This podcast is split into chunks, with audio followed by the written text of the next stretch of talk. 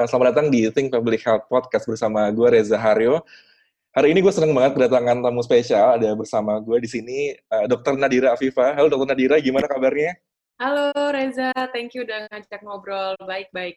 Ya, Dr. Nadira Afifa ini lagi ngambil S2, uh, Master of Public Health di Harvard University di Amerika Serikat. Dan semalam saya kepoin, baru saja menyelesaikan lecture yang terakhir ya kak? Iya benar, finally. Uh, lagi sibuk apa sekarang Kak Nadira? Uh, lagi sibuk apa? Ini sebenarnya sih kalau kemarin-kemarin sibuk kuliah aja sih, karena kuliahnya masih online, masih lanjut sampai tanggal 15 Mei, which is kemarin. Jadi ini baru banget kosong. Mungkin sisa-sisa kesibukannya ya ada beberapa project terkait COVID, sama paling uh, sharing-sharing pakai talk, pakai talk di webinar atau IG live atau kayak gini ngobrol-ngobrol sama Reza. Oke, wah seru banget kayaknya. Jadi teman-teman juga pasti yang mau join bisa ikutin ke Instagram ya karena di banyak banget event-eventnya dia. Oke, jadi saya mau membuka pembicaraan ini dengan uh, begini. Ini kalau nggak salah udah sekitar tiga bulanan ya semenjak Kanadira mengupload video uh, klarifikasi uh, dari Prof. Mark uh, Lipsitch ke YouTube. Buat yang belum tahu, jadi uh, silakan cek di YouTube-nya Kanadira itu ada uh, video klarifikasi dari Prof. Mark Lipsitz dari Harvard University uh, terkait dengan pernyataan atau penelitiannya ya dari perhitungan tentang kemungkinan uh, kasus COVID-19 di bulan-bulan Februari kalau nggak salah saya ingat. Nah waktu itu heboh banget karena uh, Menteri Kesehatan kita Dr. Terawan menentang dengan cukup keras kalau saya lihat saya baca ya di media tentang pernyataan dari Prof uh, Lipsitch tersebut gitu. Oleh karena itu uh, karena Dira langsung nyamperin uh, Prof Mark Lipsitch di kantornya kayaknya ya dan membuat uh, video klarifikasi tersebut di mana sangat membuka pemikiran banget uh, atas adanya video tersebut. Uh, kita jadi paham gitu ya apa sebenarnya tujuan dari uh, Prof Mark Lipsitch dalam membuat penelitian tersebut. Nah, itu sekitar tiga bulanan yang lalu, Kak. Di saat di mana COVID belum ada di Indonesia, semua orang masih tenang dan um, semua orang menganggap kita nggak akan kena COVID gitu ya. Dan sekarang kita lihat uh, gimana keadaannya hari ini. Ini tanggal 16 Mei. Kita ngomong yang di Jakarta dulu nih ya. Jadi saya kebetulan lagi lagi di Jakarta. Jadi di Jakarta ini uh, kasus positifnya sekarang ada 5.795 kasus, di mana uh, yang meninggal ada 475, which is sekitar 8 persenan fatality rate-nya. Dan di Indonesia secara umum ada 17.025 kasus, dan yang meninggal ada sekitar 1.089, which is sekitar uh, 6-7 persenan ya fatality rate-nya. Jadi nggak jauh berbeda. Nah, apa makna angka-angka ini uh, buat Kanadira dan dibandingkan dari tiga bulan yang lalu saat semua orang pada uh, menolak atau misalnya membantah uh, secara keras menurut saya pernyataan dari uh, Prof. Mark Lipsitch dari Harvard University apa yang bisa Kak Gira Viva gambarkan terhadap kepada kita tentang uh, hal ini? Jadi uh, memang banyak uh, negara di dunia dalam menghadapi pandemik ini tentunya belum siap gitu ya. Jadi memang ini kan sangat-sangat situasi yang kita nggak pernah tebak sebelumnya. Memang pandemi itu kejadiannya berulang setiap beberapa tahun. Yang terakhir mungkin pas Spanish flu dan itu sudah 100 tahun kali ya, 1918. Jadi uh, banyak yang belum siap. Nah, Waktu itu kalau saya bahas sedikit dari Profesor Mark Lipsitch yang waktu itu saya interview yang di video, memang beliau bilang itu di awal Februari ya, sekitar awal Februari Indonesia mungkin sudah punya lima kasus. Tapi kan waktu itu kita declare memang kita belum punya. Dan uh, kasus pertama kita itu ternyata di tanggal 2 Maret, which is sekitar sebulan dari yang sudah dibilang oleh Profesor Mark Lipsitch. Dan itu pun bukan lima ya, jadi waktu itu tiga kasusnya yang awal yang satu keluarga. Dan um, banyak hal sih terkait ini. Lagi-lagi kan Profesor Mark itu sebenarnya dia cuma mempredik gitu ya dengan uh, mathematical modeling. Jadi memang uh, belum tentu benar, tapi memang less likely untuk salah gitu. Jadi kemungkinan besar memang benar sudah ada kasus. Waktu itu nih saya sempat confirm juga, waktu saya, ini agak loncat nggak apa-apa ya, waktu itu saya sempat ketemu sama Pak Anies dan juga beberapa staf Dinkes DKI, memang mereka bilang terkait yang pernyataan Prof. Lipsitch, dari akhir Januari DKI itu udah sangat uh, precautious sama COVID-19 ini karena mereka sudah tahu di Wuhan outbreak-nya sangat besar dan kita itu mobility dari Wuhan itu sangat besar. Jadi sepertinya nggak mungkin kalau kita nggak ada kasus di awal tahun tersebut. Dan dari DKI memang sudah melakukan uh, screening dan sudah melakukan pemeriksaan uh, COVID nggak ya gitu, sudah melakukan PCR. Tapi memang kendalanya adalah uh, lab kita waktu itu belum terstandardisasi, artinya kemungkinan banyak pemeriksaan yang ternyata false negatif gitu. Dan memang dari mereka sendiri jujur itu kasusnya nol dari uh, apa pasien-pasien yang diperiksa. Cuma uh, kemungkinan uh, karena akurasi lab dan uh, kit yang belum terstandardisasi gitu. Nah, uh, melihat sekarang kalau kita di compare ke negara mungkin kita nggak seharusnya compare ke negara yang prokalnya sangat jauh sama kita ya. Kita compare-nya sama negara di ASEAN.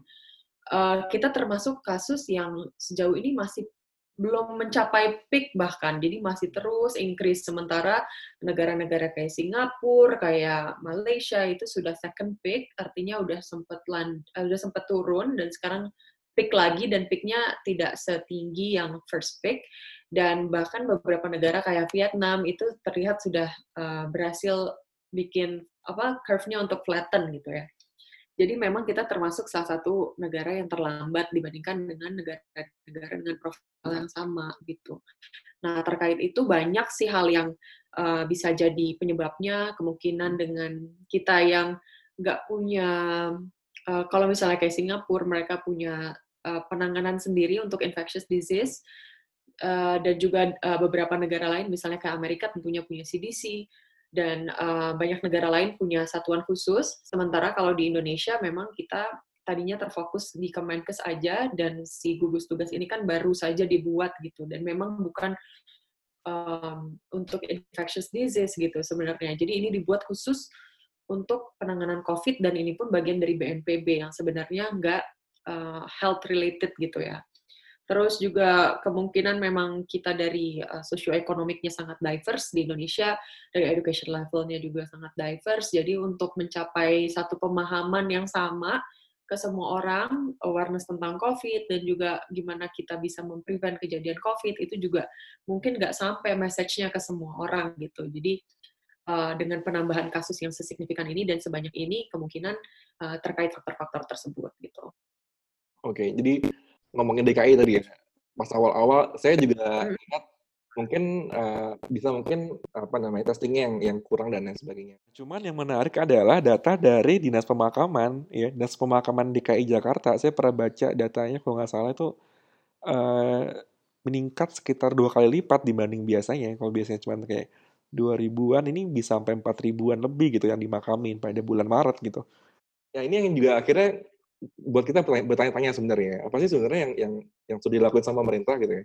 Karena pada akhirnya ya sekarang sekarang pun semua orang akhirnya bilang ini telat banget nih kenapa sih waktu itu kok lebih ke denial aja? Apa sih yang sudah dilakukan sama pemerintah sebenarnya di awal-awal bulan itu? Kalau kalian itu ngeliatnya hmm. gimana? Apa sih yang bikin akhirnya uh, ini terlambat pemerintah terlambat? Atau misalnya emang ini wajar gitu untuk untuk penanggulangan pandemi yang memang nggak semua negara bisa uh, lakuin gitu? Hmm. Uh, jadi banyak hal sih. Kalau misalnya dari segi kesiapan tentunya kita nggak uh, gimana ya secara resource, secara SDM juga pastinya nggak sesiap negara-negara besar kayak Amerika, kayak Cina, even Amerika aja juga sekarang sangat messed up gitu kan dalam penanganan COVID-19 di negara mereka. Nah, tapi ada uh, mungkin satu masalah juga terkait Indonesia yang kita punya provinsi banyak banget, pemdanya banyak banget, dan nggak uh, semuanya itu centralized gitu. Jadi kita kan memang decentralized ya kalau pemerintahan kita. Jadi tiap daerah punya otonomi masing-masing. Jadi kita bisa lihat waktu di bulan Januari itu sebenarnya yang udah heboh, udah siap-siap untuk COVID itu sebenarnya yang saya tahu baru Jakarta sama Bandung, sama Jawa Barat lah ya, bukan Bandung. Jadi uh, mereka, jadi terkait pemerintah daerah ini juga mereka punya kesiapan sendiri, punya anggarannya juga beda-beda. Jadi ada yang udah siap, ada yang belum kayak gitu. Makanya waktu kayak bulan Januari waktu Mark Lipsitch uh, bilang kayak gitu, sebenarnya Jakarta juga udah lakuin testing. Uh, mungkin itu ya salah satu penyebab kenapa bisa beda-beda penanganannya. Dan juga mungkin yang di awal-awal kenapa pemerintah nih cenderung kayak play down gitu, kayak mau menenangkan masyarakat, bilang yeah. COVID ini enteng dan segala macam. Saya rasa uh, itu salah sih, tapi nggak sepenuhnya bisa disalahkan mungkin ya. Kalau kita lihat dari sudut pandang pemerintah, itu juga sangat penting untuk bikin masyarakat tenang, karena yang uh, kalau misalnya terlalu panik pun juga efeknya akan buruk juga buat um, justru untuk spreading dari COVID-19 itu sendiri gitu. Mungkin uh, masyarakat akan lebih apa ya? Mungkin akan lebih panic buying juga yang nantinya bukan cuma ngaruh ke uh, spreading di supermarket atau di public places, tapi juga pengaruh ke ekonomi, masyarakat jadi uh, stok-stok juga jadi habis gitu. Jadi mungkin nggak sepenuhnya salah untuk play down di masa itu.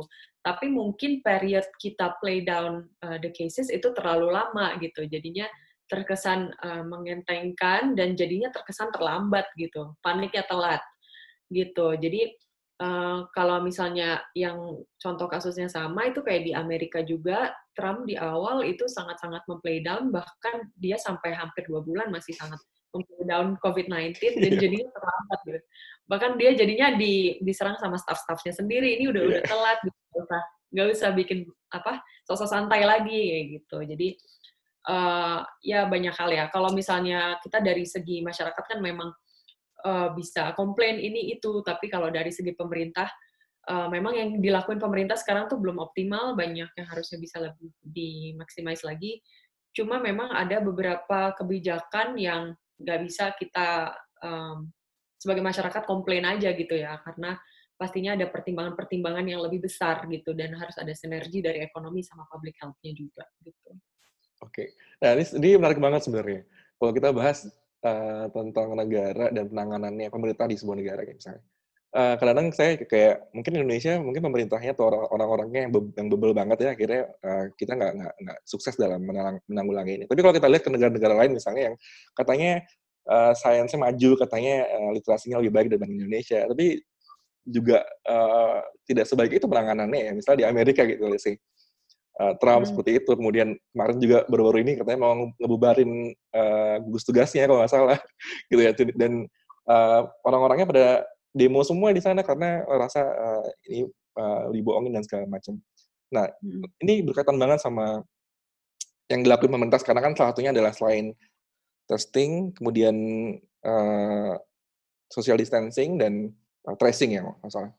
Nah, sekarang uh, pemerintah kan nggak nggak berjalan ini uh, kerjanya karena di di bawah ini di masyarakat sendiri banyak yang kira terbawa oleh isu-isu yang informasi-informasi nggak jelas.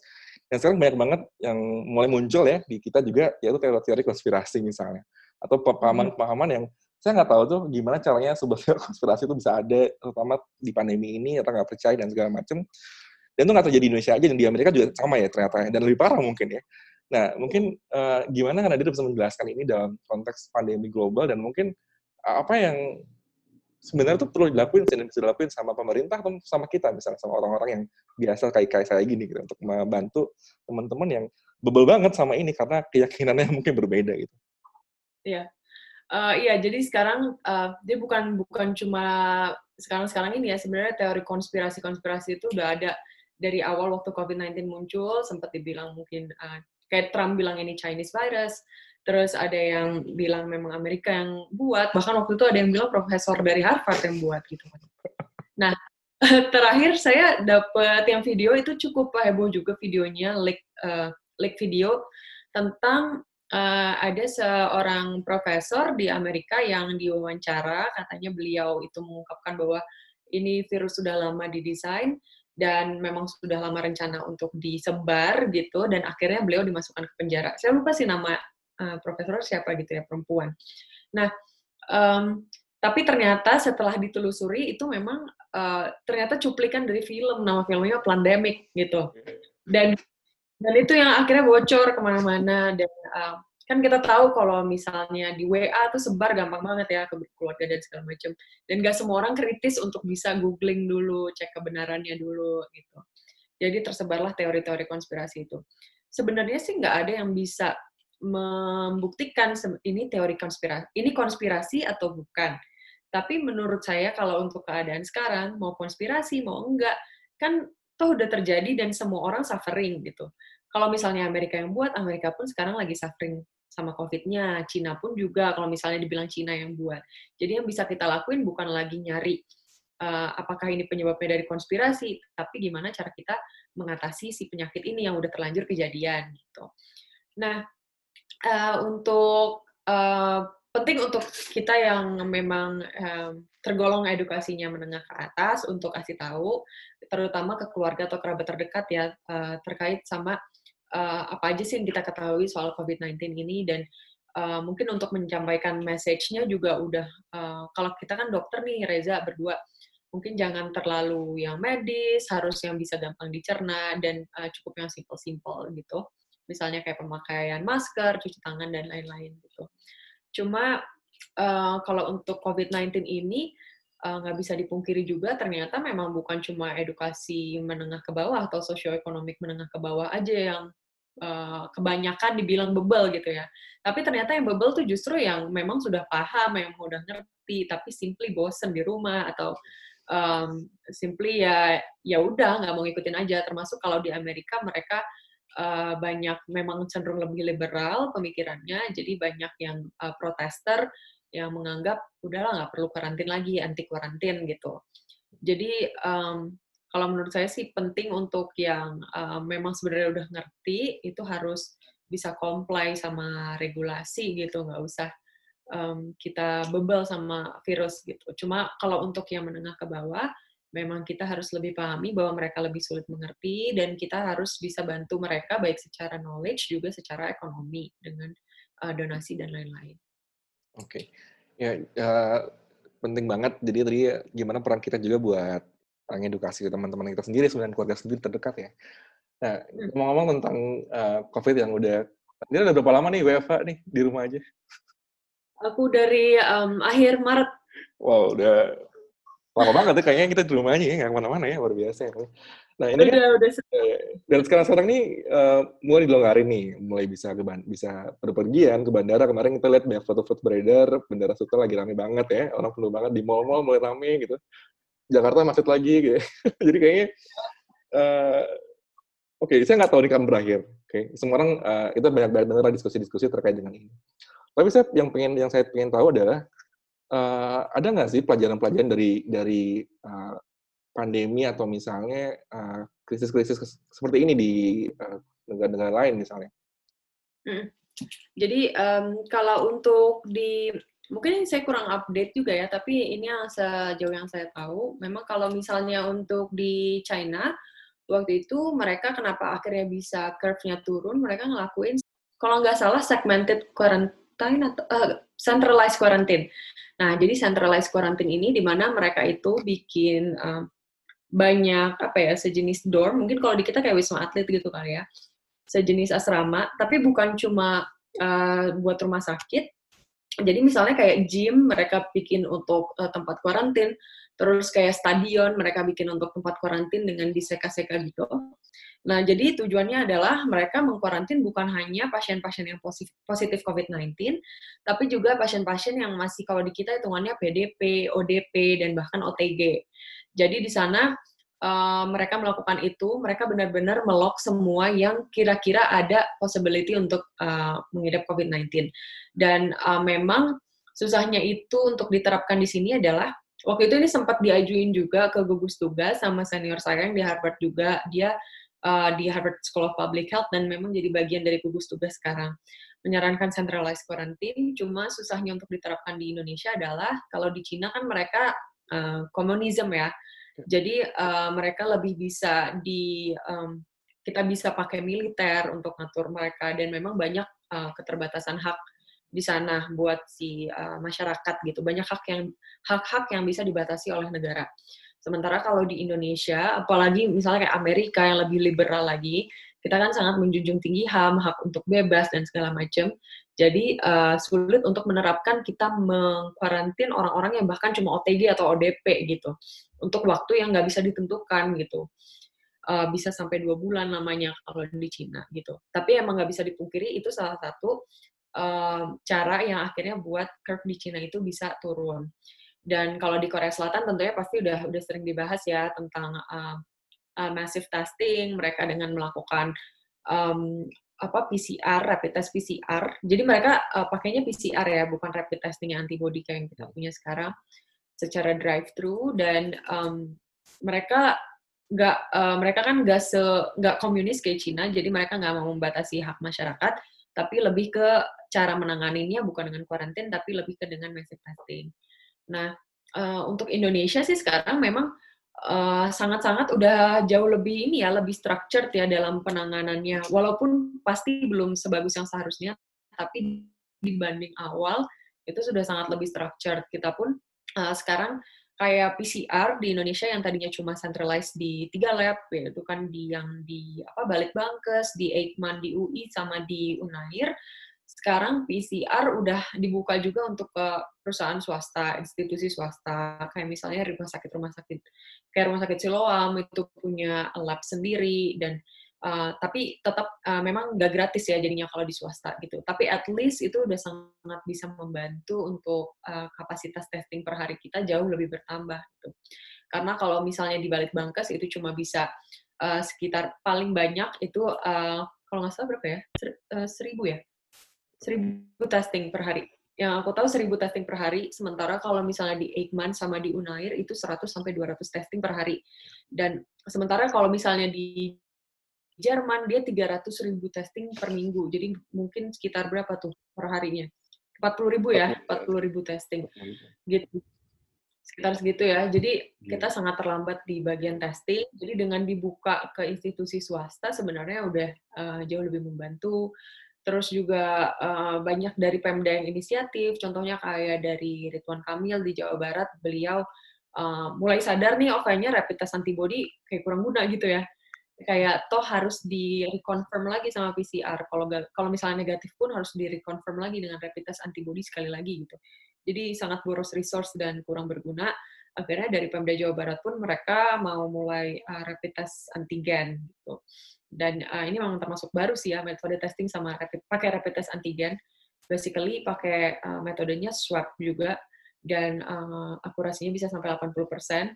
Jadi uh, saya harap sih dengan sekarang uh, pemerintah bisa lebih organized baik dalam mereka mem, apa, memanage resource mereka sendiri kayak balik bangkes tadi maupun dengan kerjasama dengan institusi swasta semoga bisa lebih uh, cepat penanganan COVID-19 gitu. Sekarang tinggal bergantung sama masyarakatnya mau nggak nih bantuin pemerintah untuk uh, stop the spreading. Uh, ini sekarang DKI katanya udah mulai melanding atau sih bener apa enggak sebenarnya. Karena lagi-lagi masalah data juga apa ya jadi problem sih di Indonesia ya kayak parah banget. Data itu nggak pernah jelas kadang-kadang juga uh, pengambilannya juga nggak ngerti. Banyak juga nih misalnya sekarang konteksnya COVID misalnya. Banyak juga yang udah dikubur tapi uh, belum keluar hasil tesnya itu dan berapa banyak yang masih ngantri. Teman saya sendiri kena tuh internship di Sukabumi dan dia menangani pasien yang yang COVID sebenarnya. Sempat sesak dan sempat uh, dibawa ke mati dan terakhir tes yang terakhir swabnya eh, alhamdulillah negatif udah membaik sekarang. Hmm. Jadi emang akhirnya banyak juga orang-orang yang kena korban nih tenaga medis atau main di hidup yang akhirnya menangani pasien karena nggak ngerti datanya, nggak ngerti orangnya kena apa enggak, akhirnya semua orang tanganin gitu. Apalagi pas awal-awal. Uh, saya kemarin ngomong ini ya ngikutin juga uh, eh, obrolan sama Pak Sandiaga Uno di Oh iya, makasih. Ya, uh, uh, so, huh? ya, ada hal yang menarik juga yang Pak Sandiaga itu sebut bahwa uh, terkait dengan new normal ini ya, apa namanya, beliau bilang public health itu menjadi menjadi sektor yang akan strategis banget ke depan. Terutama di Indonesia Betul. yang selama ini kita mungkin nggak lihat apa sih public health sebenarnya gitu kan. Apaan sih ini kok? Apaan sih ini barang yeah. apa sih gitu ya? Ini ekonomi bukan, ngomongin kesehatan juga sebenarnya nggak nggak bang, bukan bukan bukan medis-medis banget sebenarnya dan apa, mm -hmm. politik juga nggak politik-politik banget. Tapi sebenarnya ini apa gitu dan uh, kalau kemarin kita dengerin Pak Sandiaga uh, bilang seperti itu, kalau karena dira kira-kira uh, ke depannya public health itu akan seperti apa sih di mungkin di Indonesia khususnya atau mungkin kita bisa belajar dari negara-negara lain uh, gimana sih public health itu seharusnya bekerja gitu? Ya, uh, jadi kemarin memang um, ya makasih udah nonton ya yang sesi sama Pak Sandi. Jadi emang selama ini kan kita tahu public health itu jadi um, apa ya underdog banget kali ya, nggak terlalu dilihat orang. Uh, mungkin kalau di sisi kesehatan itu dokter yang paling tinggi dilihat orang selama ini. Terus dari sisi policy juga mungkin ada lagi bagian public policy, public administration, jadi kayak di sisi yang nanggung gitu. Cuma memang ada untungnya, bukan ada untungnya sih ya, ada blessing in disguise lah dengan COVID-19 ini, di mana public health jadi lebih dilirik, dan kita mulai sadar bahwa ternyata perannya penting gitu ya, public health dalam uh, mengatasi masalah-masalah di suatu negara gitu. Nah, uh, kalau menurut saya sih, uh, dengan adanya COVID-19 ini, pastinya interest ke public health mungkin akan jauh lebih tinggi. Begitu juga kalau dari sisi pemerintahan untuk alokasi budget ke bagian penanganan public health, terus uh, dari sisi um, apa keperluan ekspertis-ekspertis dari public health pastinya akan lebih meningkat gitu dan ini juga salah satu bagian dari new normal menurut saya bahwa begitu dengan adanya COVID-19 ini itu adalah jadi awal kemunculan dari public health di uh, di apa ya di media dan di di perhatian masyarakat gitu. Ya jadi uh, kalau menurut saya, menurut saya public health itu harus lebih dilibatkan di pemerintahan. Jadi yang kita tahu selama ini kalau misalnya dari Kementerian Kesehatan eh, orang-orang yang ada di high level termasuk apalagi yang menteri kesehatannya itu kebanyakan ya atau bahkan selalu ya selalu diambil dari dokter yang sebenarnya clinician yang uh, kurang terpapar ke skill dan uh, permasalahan di public health gitu. Uh, kebanyakan diambil dari dokter-dokter spesialis. Sebenarnya public health ini kan ilmu yang uh, bisa juga sih kita pelajari secara sambil jalan gitu ya untuk dokter sambil uh, menangani pasien dan segala macam pasti terpapar sama masalah public health. Simpelnya kayak nanganin masalah uh, orang TBC nih. Kayak uh, kita nanganin orang TBC, nggak bisa cuma kita kasih obat aja ke orang TBC itu, tapi kita perlu juga uh, ada yang pengawas minum obatnya, ada perlu juga kita perhatiin gimana dia nggak nularin ke sekeluarga, terus di mana aspek dia mungkin dipecat dari kantor karena dia punya penyakit TBC ini, dan aspek-aspek di luar uh, faktor biologis itu sendiri gitu ya, dan itulah public health secara sederhananya gitu, gimana kita ngelihat sebuah penyakit atau sebuah indiv seorang individu dari sisi yang lebih luas dan lebih besar gitu. Nah, uh, ke mudah-mudahan sih menurut saya uh, dari segi Kementerian Kesehatan kalau memang nggak uh, dari Menteri Kesehatannya mungkin nggak bisa dari orang public health, mungkin paling enggak banyak uh, melibatkan expert uh, expert expert public health di eselon-eselonnya atau di pejabat-pejabat uh, level tingginya gitu. Dan uh, menjadi uh, satu hal yang penting lagi bagi pemerintah sekarang untuk uh, lebih me, apa ya meningkatkan budget uh, alokasi anggaran pemerintahan di bidang public health untuk mengantisipasi kejadian-kejadian seperti ini lagi di masa yang akan datang gitu. Uh, blessing in disguise-nya jadi pemerintah sekarang bisa lebih siap dan bisa lebih antisipatif kalau misalnya ada public health problem lagi di masa yang akan datang kayak gitu. Oh satu lagi menurut saya uh, kalau dulu waktu saya pertama kali ambil belum ngambil bahkan baru rencana mau ambil public health itu saya ng uh, ngasih saya nanya-nanya juga pendapat dari banyak orang termasuk dosen-dosen dari teman-teman uh, sesama dokter juga gimana sih menurut kalian kalau gue ambil public health gitu hmm. nah uh, memang waktu itu lebih banyak kontranya gitu hmm. di orang lihat itu kalau misalnya kita dokter uh, itu harus pilih mau jadi clinician kah atau mau jadi public health expert Sementara saya ngelihatnya um, ini kita nggak harus milih uh, one over another kalau misalnya kita bisa jadi both clinician and public health expert tentunya akan jadi nilai plus yang bagus banget gitu buat uh, uh, buat kehidupan kita sendiri dan juga buat penanganan masalah di sekitar gitu. Jadi uh, ke depannya sih saya harap kalau misalnya ada orang uh, ada praktisi kesehatan ya terutama misalnya kayak nurse atau dokter gigi, dokter umum yang ada ketertarikan untuk ambil public health itu nggak dipandang sebelah mata lagi atau nggak di apa ya nggak di skeptisin lagi gitu karena menurut saya bisa untuk berkarir di dua-duanya secara langsung nggak harus milih gitu. Iya, karena karena emang informasi mungkin ya tentang public health ini di Indonesia minim sih menurut saya. Jadi jadi apa ya pilihan pekerjaan yang konkret itu loh itu kan penting banget ya untuk orang-orang tahu akhirnya mungkin mm. yang bikin uh, orang nggak nggak tahu juga mau mau masuk publik mau ngapain gitu kerjaannya dan itu mungkin yang yang PR juga sih mungkin di Indonesia. Mungkin setelah ini harapannya setelah pandemi ini bisa banyak orang lebih nggak tentang wah ada kok ada tuh epidemiologis wah bisa tuh ngomongin hal ekonomi wah bisa tuh ngomongin kebijakan policy dan segala macam. Nah selain juga karena diri ya. sendiri? Apa sih uh, motivasinya gitu masuk mobil kerja? Oh dikit nggak apa-apa ya?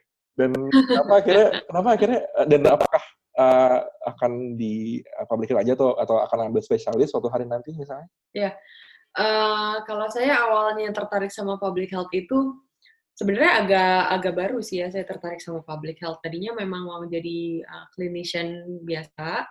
Um, cuma waktu saya mulai praktek, pastinya pas dari mulai koas sampai saya akhirnya kalau internship kan kita udah mulai ada um, kebebasan sendiri ya buat tanganin pasien. Terus juga pas praktek sebagai dokter umum setelah selesai internship, itu mulai ngerasa uh, memang peran dokter itu penting untuk untuk menangani pasien, tapi sebagai clinician itu terbatas untuk menangani pasien secara individual aja gitu. Jadi kita nggak bisa lebih banyak bergerak untuk nanganin orang dalam skala besar dalam waktu yang singkat gitu.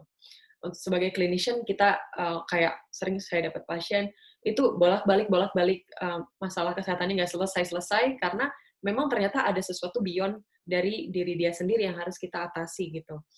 Nah, dari situ saya mulai tertarik kayak um, apa ya yang bisa saya lakuin supaya bisa um, menyelesaikan masalah kesehatan itu langsung ke orang banyak gitu, langsung touch orang banyak dalam waktu yang singkat. Dan dari situ saya mulai tertarik ke policy making gitu. Saya mulai belajar bahwa kebijakan pemerintah lah atau misalnya bukan um, decision decision kita kalau uh, sebagai misalnya NGO leader atau kayak uh, leader di rumah sakit atau yang paling tinggi kalau misalnya kita leader di pemerintahan kebijakan-kebijakan itulah yang akhirnya bisa menyelamatkan orang banyak dalam waktu yang singkat. Dan itu benar-benar bisa efektif banget gitu intervensi yang kita lakuin. Dibanding kalau kita cuma jadi dokter kita cuma uh, ngatasin masalah orang satu satu satu dan waktunya itu lama gitu. Nah dari situ saya mulai tertarik ke policy making dan makanya mau ngambil Master of Public Health gitu Cuma kalau di MPH di Harvard itu sebenarnya ada departemen yang lebih spesifik, yaitu MPH in Health Policy. Hmm. Sementara kalau saya kan ngambilnya MPH in Global Health gitu. Nah, kenapa saya nggak ngambil yang Health Policy? Karena uh, saya masih mau explore dulu public health secara general, karena saya masih mau explore karir, apakah mungkin uh, mau terlibat di pemerintahan, atau mau bikin, simply bikin startup, atau bikin NGO, atau um, ikutan NGO orang kayak gitu masih mau explore jadinya uh, saya ambil yang paling general departemennya yaitu global health. Kalau plan saya sendiri sih ke depannya sebenarnya uh, saya sangat sangat sangat tertarik sama uh, berkecimpung di dunia public health aja. Cuma uh, ini salah satu apa ya limitation di Indonesia menurut saya uh, value sebagai dokter umum itu agak uh, kurang ya kayak kurang di respect gitu. Padahal kalau di luar negeri dokter umum tuh udah MD tuh udah kayak keren banget gitu, udah bisa bebas memilih mau apa gitu. Sementara kalau kita kayak di kampus atau misalnya di mana-mana deh, itu kan selalu kita terpatrinya tuh kan kayak gini kan Za, kayak oh abis dokter, abis lulus dokter, iship, abis itu praktek, abis itu spesialis. Selalu pathnya kayak gitu kan kalau jadi dokter umum tuh kayak masih dianggap dipandang sebelah mata banget gitu, padahal enggak. Jadi um, saya sih um, bukan cuma atas dasar itu sih sebenarnya. Saya juga masih ada memang sangat tertarik juga untuk tetap berpraktek untuk ngadepin pasien secara langsung, bukan cuma di birokrasi gitu. Jadi makanya masih mau ngambil spesialis dan juga uh, saya rasa nanti kalau misalnya saya udah jadi spesialis itu akan lebih banyak opportunity dan lebih punya banyak kebebasan untuk explore berbagai karir gitu. Termasuk kalau mau berkecimpung totally di public health itu akan lebih mudah di Indonesia sih kalau udah spesialis menurut saya. Iya, aduh, betul banget juga. Jadi masalah dokter umum misalnya itu kan juga kebijakan-kebijakan yang yang diputuskan oleh publik seorang public health ya harusnya ya bisa dibantu gitu untuk itu. Makanya hmm. uh, mungkin ya teman-teman yang juga yang dengerin ini juga uh, kalau misalnya suatu hari uh, tertarik dengan health policy misalnya dan melihat masih cukup berantakan ya sistem kesehatan misalnya tentang dokter dokter di Indonesia misalnya bisa bantu untuk dipikirin gitu. Solusinya apa sih biar teman-teman dokter umumnya juga nggak ya berapa persen sih yang bisa di spesialis misalnya dan duitnya tuh aduh parah nih misalnya teman-teman yang di ISIP sekarang misalnya gaji sekitar tiga apa uh, UMR dan beban tugasnya segitu banyaknya. Ini teman saya lagi istrinya lahiran nggak uh, ada cuti yeah. ada cuti lahiran kayak wow uh, dilema ya, negara ini sama segitu ya makanya heran banget sih di Indonesia. Nah ya, oke okay, yang menarik juga adalah ini kak uh, mungkin saya pengen juga uh, belajar dari Harvard gitu. Karena Ira udah udah sana dan melihat banyak hal mungkin ya dari perspektif yang yang berbeda. Apa sih kira-kira uh, apa ya pelajaran yang bisa diambil di uh, Harvard Public Health uh, yang bisa yang belum diterapin di Indonesia misalnya dan kakak lihat di banyak negara-negara lain yang mungkin saya lihat Kanadira juga sering uh, bantu untuk bikin proyek-proyek kayak di beberapa negara dan pasti banyak banget teman-teman dari negara-negara lain yang sharing tentang tentang public health di negaranya Nah, apa sih pelajaran-pelajaran yang di Indonesia jarang di-mention, tapi karena dia dapat banget nih di Harvard? Um, kalau misalnya di, jadi yang bisa saya lihat sih kalau misalnya di Harvard, ya secara general gitu ya, memang uh, nggak cuma di Harvard sih, menurut saya di luar negeri itu metode pendidikannya pastinya beda sama di Indo. Kalau di Indo kita sebagai murid itu cenderung pasif, jadi uh, kita disuapin, uh, kita datang lecture bisa tanpa belajar dulu, tanpa reading dulu, kayak ya udah tinggal perhatiin kuliah uh, dari dosen, dosen yang aktif uh, ngejelasin gitu. Sementara kalau di sana kan memang lebih mengencourage participation dari uh, mahasiswa dan um, mahasiswanya juga jauh lebih confident ya untuk ngasih opini, untuk ngasih ekspertis mereka masing-masing. Sementara kalau di Indo kan kita kalau ada yang nanya atau kalau ada yang mau ngasih pendapat, kayak di gimana ya kayak agak nggak biasa gitu ya soalnya kalau di sana kalau kita nggak nanya atau kita nggak ngasih pendapat justru itu yang nggak biasa dan akhirnya malu gitu jadi orang yang pasif nah uh, kalau untuk uh, di public health itu yang saya banyak belajar um, banyak orang-orang dari uh, apa ya memang dosen-dosennya itu nggak semuanya dari dokter gitu jadi uh, banyak yang dari bidang hukum, banyak yang dari media, itu banyak banget. Jadi tadinya dia jurnalis atau reporter, terus ada juga yang dari uh, policy ya, kebanyakan dari public policy, kayak misalnya dari uh, hubungan internasional kalau di Indonesia kayak gitu-gitu. Dan uh, mereka itu memang sangat passionate sama public health dan mereka tahu setelah mereka lulus dari public health ini banyak uh, channel untuk mereka bisa mengaplikasikan public health tersebut gitu. Misalnya uh, kayak banyak kalau di Amerika itu World Bank, ada World Bank dan ada um, ada departemen yang untuk misalnya environmental specialist atau public health specialist. Di situ isinya dari lulusan-lulusan public health gitu. Dan um, yang banyak saya belajar juga apa ya kalau di Harvard itu kita banyak uh, project-project ke luar negeri itu networknya sangat tidak terbatas mau ke Afrika mau ke apa ya ke South Asia yang kayak India dan lain-lain itu sangat opportunity-nya tidak terbatas dan mereka dari segi kampusnya pun sangat mengencourage mahasiswa untuk ikut segala macam project dan nggak usah mikirin funding gitu. Karena mereka pasti kasih fundingnya dan bahkan berlebihan gitu. Kayak kemarin yang saya ke Tanzania itu dikasih funding untuk 16 hari 3.800 dolar. Sementara cuma kepake 2000 dolar jadi malah untung gitu. Dan itu memang um, apa ya uh, sebuah keuntungan yang dimiliki sama Harvard sebagai uh, universitas dengan donor-donor yang banyak gitu ya yang pendonornya itu banyak dan itu yang uh, kita di Indonesia sulit untuk kita dapetin karena untuk pendonor ke institusi pendidikan itu sangat sedikit gitu sangat sedikit orang yang mau um, apa ya donate uang mereka untuk sesuatu yang non profit kayak pendidikan kayak gitu. Uh, pasti kan lebih mereka donate untuk startup dan lain-lain. Jadi itulah banyak hal yang uh, berbeda. Uh, banyak hal yang saya dapat, keuntungan yang saya dapat dengan pursue pendidikan public health di luar negeri, khususnya di Harvard gitu. Dan memang masih banyak keterbatasan untuk uh, Indonesia untuk bisa menerapkan hal yang sama. Oh, jadi banyak banget yang sebenarnya Eh, Indonesia belum belum segitu stabilnya kali ya ekosistemnya untuk bisa public health tuh bisa benar-benar tumbuh di Indonesia mungkin ya. Tapi saya harap sih mungkin 10-20 tahun lagi bisa berbeda sih. Dan karena itu mungkin yeah. untuk uh, mendorong ini biar uh, lebih stabil aja di Indonesia. Karena oh, kita kebanyakan pulau, kebanyakan orang dan budaya segala macam itu ribet banget gak sih?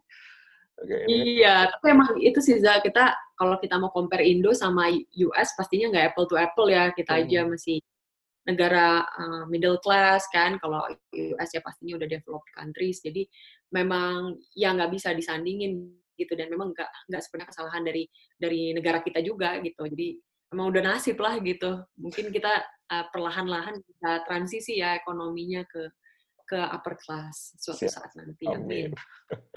ya, jadi salah satu saya bikin podcast ini juga sebenarnya uh, gimana biar informasi publik itu lebih banyak ke teman-teman yang mendengarkan mungkin ya, mungkin di teman-teman dokter atau teman-teman tenaga kesehatan atau mungkin sektor lain ya. Karena uh, gimana kolaborasi mau terbentuk kalau misalnya informasinya itu masih sedikit banget tentang public health. Gitu. Harapannya dengan karena hmm. sharing juga bisa bantu membuka uh, peluang-peluang celah-celah kolaborasi ke depannya. Nah, saya juga pengen di akhir podcast biasanya saya juga pengen dengerin nih karena dia ini kira-kira apa sih yang mau dikerjain ke depan nih dan apa sih mimpi-mimpinya gitu terkait dengan public health atau tentang kesehatan di Indonesia misalnya biar mungkin banyak nih orang-orang yang bisa dengerin dan bisa mungkin uh, kolaborasi juga gitu. Oke, okay. uh, eh, kalau uh, sebenarnya nih jujur pas udah mau deket lulus kayak gini malah jadi super bingung ya, super galau nentuin karir ke depannya. Kayak tadi yang saya bilang, saya pengen banget di public health sebenarnya, tapi kayaknya nggak mungkin kalau cuma sebagai dokter umum. Jadi plan saya ke depan sih uh, akan coba kecimpung langsung di dua uh, bidang itu sekaligus. Jadi saya tetap mau jadi clinician, tapi tetap applying my uh, public health experience. Uh, caranya saya akan praktek, tetap praktek. Nggak bohong, saya emang tetap um, pengen interaksi juga sama pasien, udah kangen banget mau praktek. Jadi uh, coba part time mungkin uh, sisanya masih kalau untuk di era covid sekarang jadi saya masih lanjutin project covid uh, data science saya itu kerja sama sama CISD dan sama ada uh, perusahaannya alumni Harvard namanya Nalagetics. Jadi kita lagi working on apa ya semacam uh, tetap prioritisasi juga prioritisasi untuk orang-orang uh, yang akan dapat tes tapi sekarang fokus ke untuk tenaga kesehatan yang akan mendapat PCR gitu. Jadi dari CISDI dapat uh, beberapa ribu slot untuk PCR untuk tenaga tenaga kesehatan di Indonesia uh, kerjasama sama lembaga mikrobiologi UI. Nah, jadi yang kita lakukan sekarang adalah kita bikin apps untuk kita bisa memprioritisasi uh, tenaga kesehatan mana yang membutuhkan PCR ini. Jadi untuk saat ini masih uh, fokus di project tersebut, tapi nggak menutup kemungkinan juga untuk project-project lainnya. Sebenarnya saya passionnya bukan ke infectious disease kayak COVID-19 ini sebenarnya. Hmm. Tapi sekarang semua orang jadi harus fokus ke COVID ya. Saya sebenarnya passionnya lebih ke malnutrisi, lebih ke kayak stunting gitu. Jadi uh, sekarang banyak uh, chit-chat juga dan banyak diminta konsultasi juga sama uh, kalau pernah dengar namanya 1000 Days Fund. Okay. Ini salah satu organisasi uh, kayak NGO gitu, NGO yang bergerak di bidang stunting untuk di negara untuk di daerah-daerah tertinggal kayak di Flores sekarang fokusnya. Uh, foundernya Zack Peter Zack Peterson dan saya lagi coba explore uh, untuk bisa kontributor di NGO-nya beliau. Gitu sih. Jadi uh, mau coba focusing di dua hal tersebut, jadi clinician dan juga jadi public health expert gitu. Sebelum nanti mungkin kayak dua tahun lagi apply untuk spesialis dan jadi harus fokus di bidang klinisi doang kalau udah spesialis pastinya ya. Kalau udah lagi PPDS maksudnya. Kalau spesialis nanti bisa lebih uh, bercabang lagi. Spesialis anak nih kak? Kok tahu? Oh, berarti abis ini kita harus ngobrol-ngobrol lagi nih dengan Nadira tentang uh, child health dan gimana kondisinya di Indonesia yang makin ah juga nggak jelas gitu lagi. Ya. Apalagi pandemi gini ya, gimana anak-anak kita yang imunisasi, yang yang stunting, aduh. Iya, itu dia. Lagian semua anggaran, semua fokus juga udah lagi di shift ke COVID sih, jadi memang agak neglected untuk child uh, program gitu. Iya, iya, iya. Dan, iya. Kemarin juga sempat ngobrol sama beberapa tutor di puskesmas gitu kan, bilang ini orang-orang ibu-ibu pada pada takut imunisasi akhirnya nggak berangkat beberapa juga uh, menut, apa, menutup akses untuk imunisasi jadi wow ini pandemi yeah. Iya. begitu dampaknya sebesar itu yang yang banyak orang nggak lihat kalau misalnya masalah anak pun nggak urus akhirnya gitu ya Iya, makanya. Padahal kalau dari rekomendasi CDC itu imunisasi tetap harus berjalan loh gitu. Karena kalau enggak kan nanti kita malah memperbanyak preventable disease. Tiba-tiba ada outbreak uh, measles misalnya atau outbreak apa uh, pokoknya MMR segala macam yang sebenarnya fully preventable gitu kan. Tapi karena orang sekarang jadi nggak imunisasi karena COVID, masalah yang udah selesai malah jadi muncul gitu. Oh, jadi abis ini diingetin lagi kita ketemu lagi makan Adira kita ngomongin anak-anak nih. Semoga ada waktu ini ya kak. Udah senang banget saya bisa uh, dapat yeah. ini ngobrol-ngobrol langsung sama Kak Nadira di tengah sibukan yang luar biasa ya. Ya ampun. Nah mungkin terakhir Nadira ada apa ya pesan atau misalnya uh, uh, yang mau disampaikan di ke teman-teman yang dengerin podcast ini tentang mungkin tentang pandemi ini atau tentang public health secara umum. Semua orang udah banyak berpesan ya aku mau pesan lebih ke secara public health aja kali ya okay. untuk sekolah dan lain-lain. Uh, menurut saya sih untuk teman-teman baik yang dari tenaga medis maupun yang enggak itu jangan takut untuk daftar sekolah setinggi mungkin dan uh, sebenarnya kalau misalnya Harvard pun itu enggak sedistant yang kita kira gitu. Sebenarnya uh, dulu saya juga ngerasa oh kayaknya nggak mungkin deh kalau masuk Harvard segala macam tapi kalau semakin kita explore, saya waktu itu saya buka terus website-nya, saya makin pelajarin alumni-alumninya tuh ngapain aja sih. Terus kira-kira um, apa sih yang bisa saya lakuin? Saya tinggal ikutin jejak mereka aja, mereka sibuk apa saya ikutin. Itu semakin kita udah uh, kecemplung di uh, apa ya, kecemplung di pengalaman-pengalaman itu, kecemplung di angan-angan kita mau masuk Harvard, lama-lama nggak terasa jauh lagi gitu. Lama-lama rasanya mungkin banget untuk dapat. Dan juga spesifik untuk dokter umum, pesan saya, uh, jangan takut untuk keluar dari jalur. Uh, I mean kayak um, kita selama di kampus itu selalu um, mungkin banyak panutannya adalah uh, yang jalurnya itu dokter umum, habis itu internship terus spesialis. Secara nggak langsung selalu terdoktrin seperti itu, apalagi lihat juga dosen-dosen kita kebanyakan seperti itu. Tapi sebenarnya juga banyak role model di luar jalur tersebut yang bisa kita ikutin juga gitu. Dan bersyukur banget sih dengan adanya LPDP ini sekarang memang makin banyak nih dokter-dokter ngambil S2 gitu untuk lebih buka wawasan mereka ke ke apa ya wawasan internasional dan opsi karir lain di luar uh, spesialis gitu. Jadi menurut saya sih jangan takut untuk keluar jalur dan coba ekspor karir-karir lain dan jangan takut sama omongan orang kalau misalnya kita dianggap kayak kayak nggak common gitu. Ya itu aja. Oke, udah thank you banget karena Dira udah hampir sejam kayaknya kayak harus sejam ya kita ngobrol-ngobrol. Oh iya, apa. Aduh. Uh, Gak terasa ya? Senang banget bisa diskusi kayak gini. Uh, thank you banget karena Dira udah sempat waktunya. Uh, sukses terus karena Dira untuk uh, mimpi-mimpi ke depannya. Semoga juga teman-teman yang dengar ini bisa ikut gabung dan kolaborasi dan uh, bisa bikin dampak uh, Indonesia yang lebih baik. Oke, okay, demikian podcasting Public pada uh, hari ini. Uh, demikian, sampai jumpa di episode berikutnya. Terima kasih. うん